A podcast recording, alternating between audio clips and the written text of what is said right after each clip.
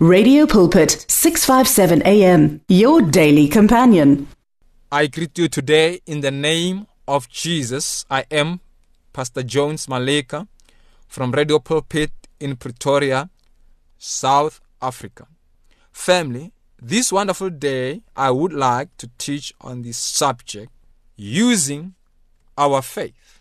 Using our faith. First Peter chapter 1 verse 23 New King James Version.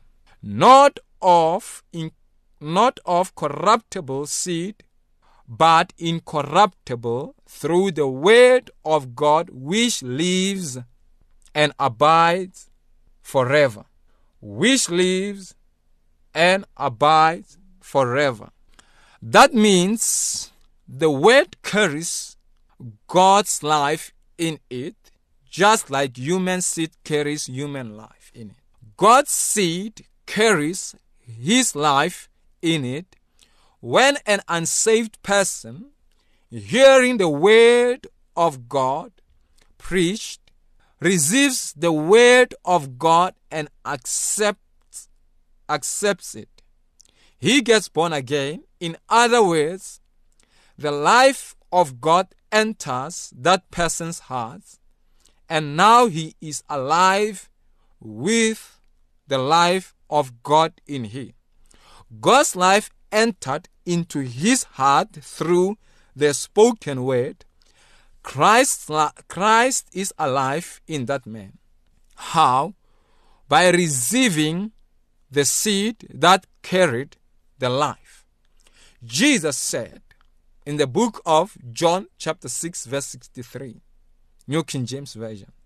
The words that I speak to you are spirit and they are life. So every word of God carries life, and every seed will produce after its own kind. In every seed is the ability to produce its own harvest. In every seed is the ability to produce its own harvest. Say this family with me. In every seed is the ability to produce its own harvest. In the following parable, we will notice six different kinds of soil, three categories that are bad and three that are good. There is a wayside soil, thorny soil, stony ground, and good ground that produces 30, 60, a hundredfold return. As we go through this parable, let us carefully analyze this to see where we are. Which category do we fit into? Are we the good soil or do we occasionally drift into of the categories of the bad soil? Mark 4 verse 14. The sower sows the word, and these are the ones by the wayside where the word is sown. When they hear, Satan comes immediately and takes away the word that was sown in their hearts. As people journeyed from one place to another in those times, out in the countryside, they would create a pathway called the wayside if seed fell on the wayside, it would obviously not germinate and bear a harvest, as it would be trampled down. The ground was very hard, thin, and crusted. The Lord Jesus said this group of people is like wayside soil because they hear the word and Satan comes immediately and steals the word that was sown in their hearts. So if the word is sown into a heart now, how long would it take the devil to take it out of the heart if he did it immediately? How much time lapses between the time that the word is received and the time that the word is received is taken? If the word of God is taken immediately, how long does it take before the word is taken out of the heart? Right now, while you are reading, or while you are reading the word of God or listening to this message. Is that what it means? You mean some people are going to be hearing and not perceiving?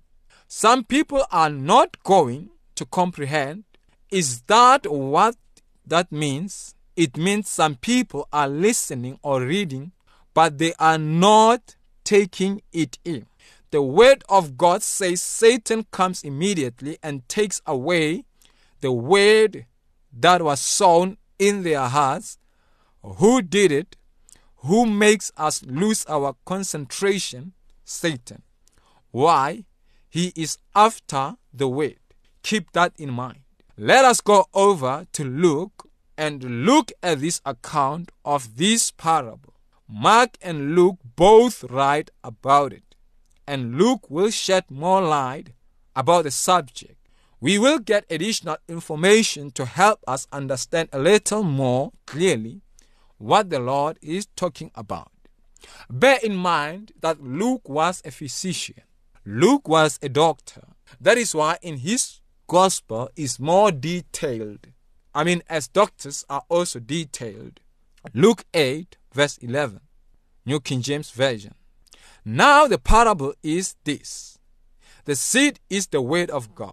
We can see from this that God's word is seed. At this point and at this verse, take your pen and write First Peter chapter 1 verse 23.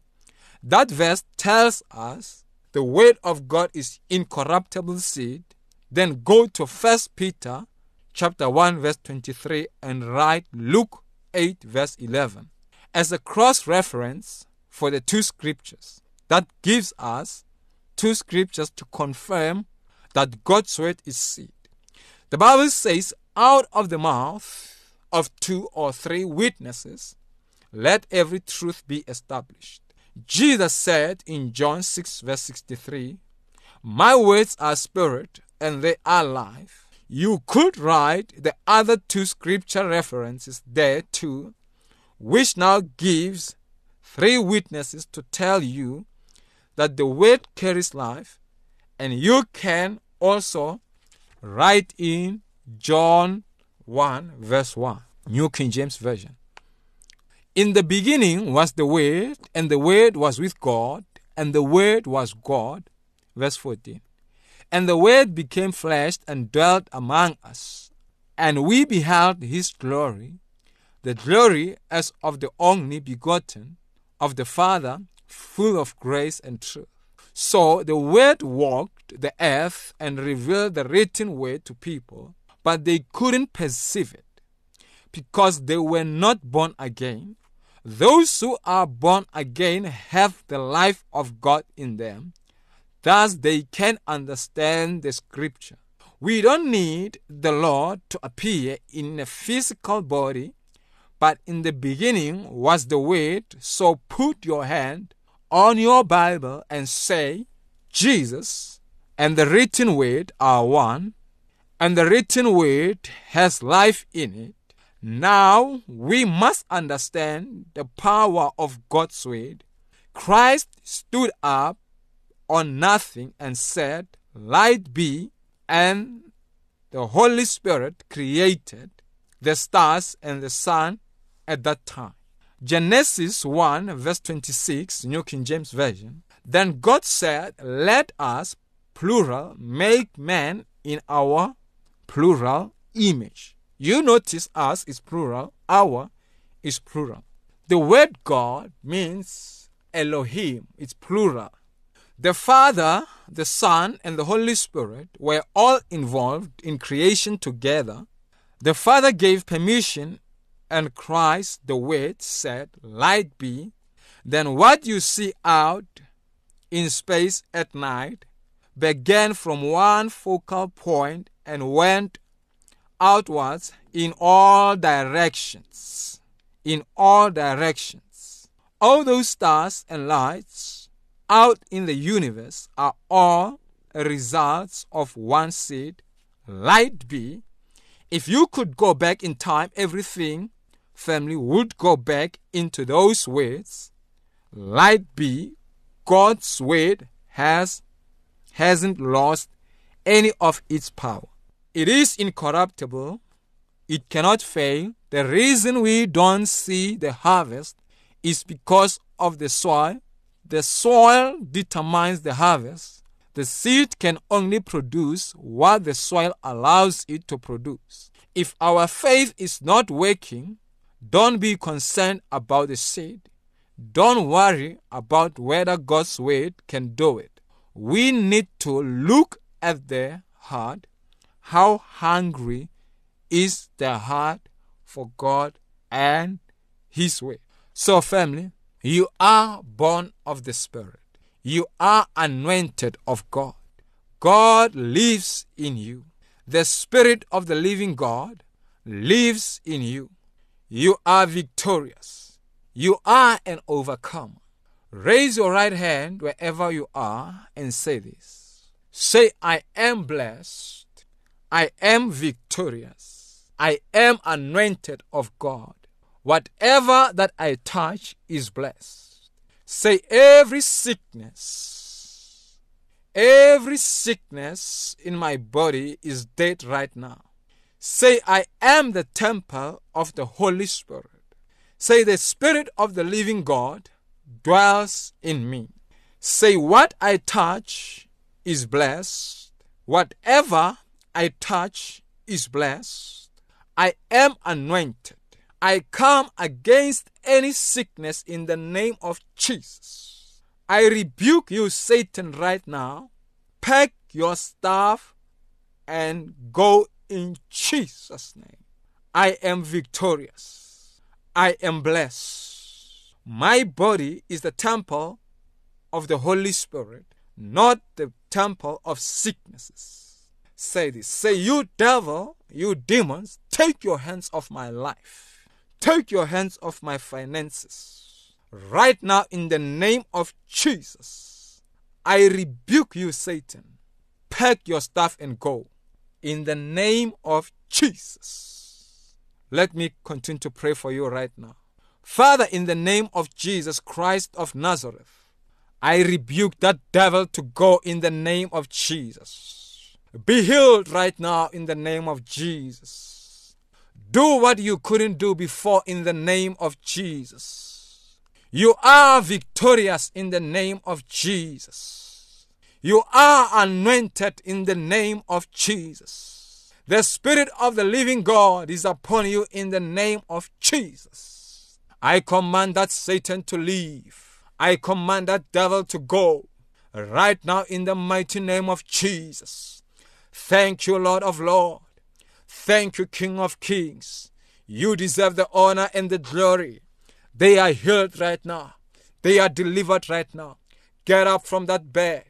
Get up from that wheelchair. Get up from that wheelchair. Throw away that walker. Throw away that crutch. You are healed. You are delivered. Do what you couldn't do before. In Jesus' name, you are free. Say this with me. Say, Thank you, Jesus.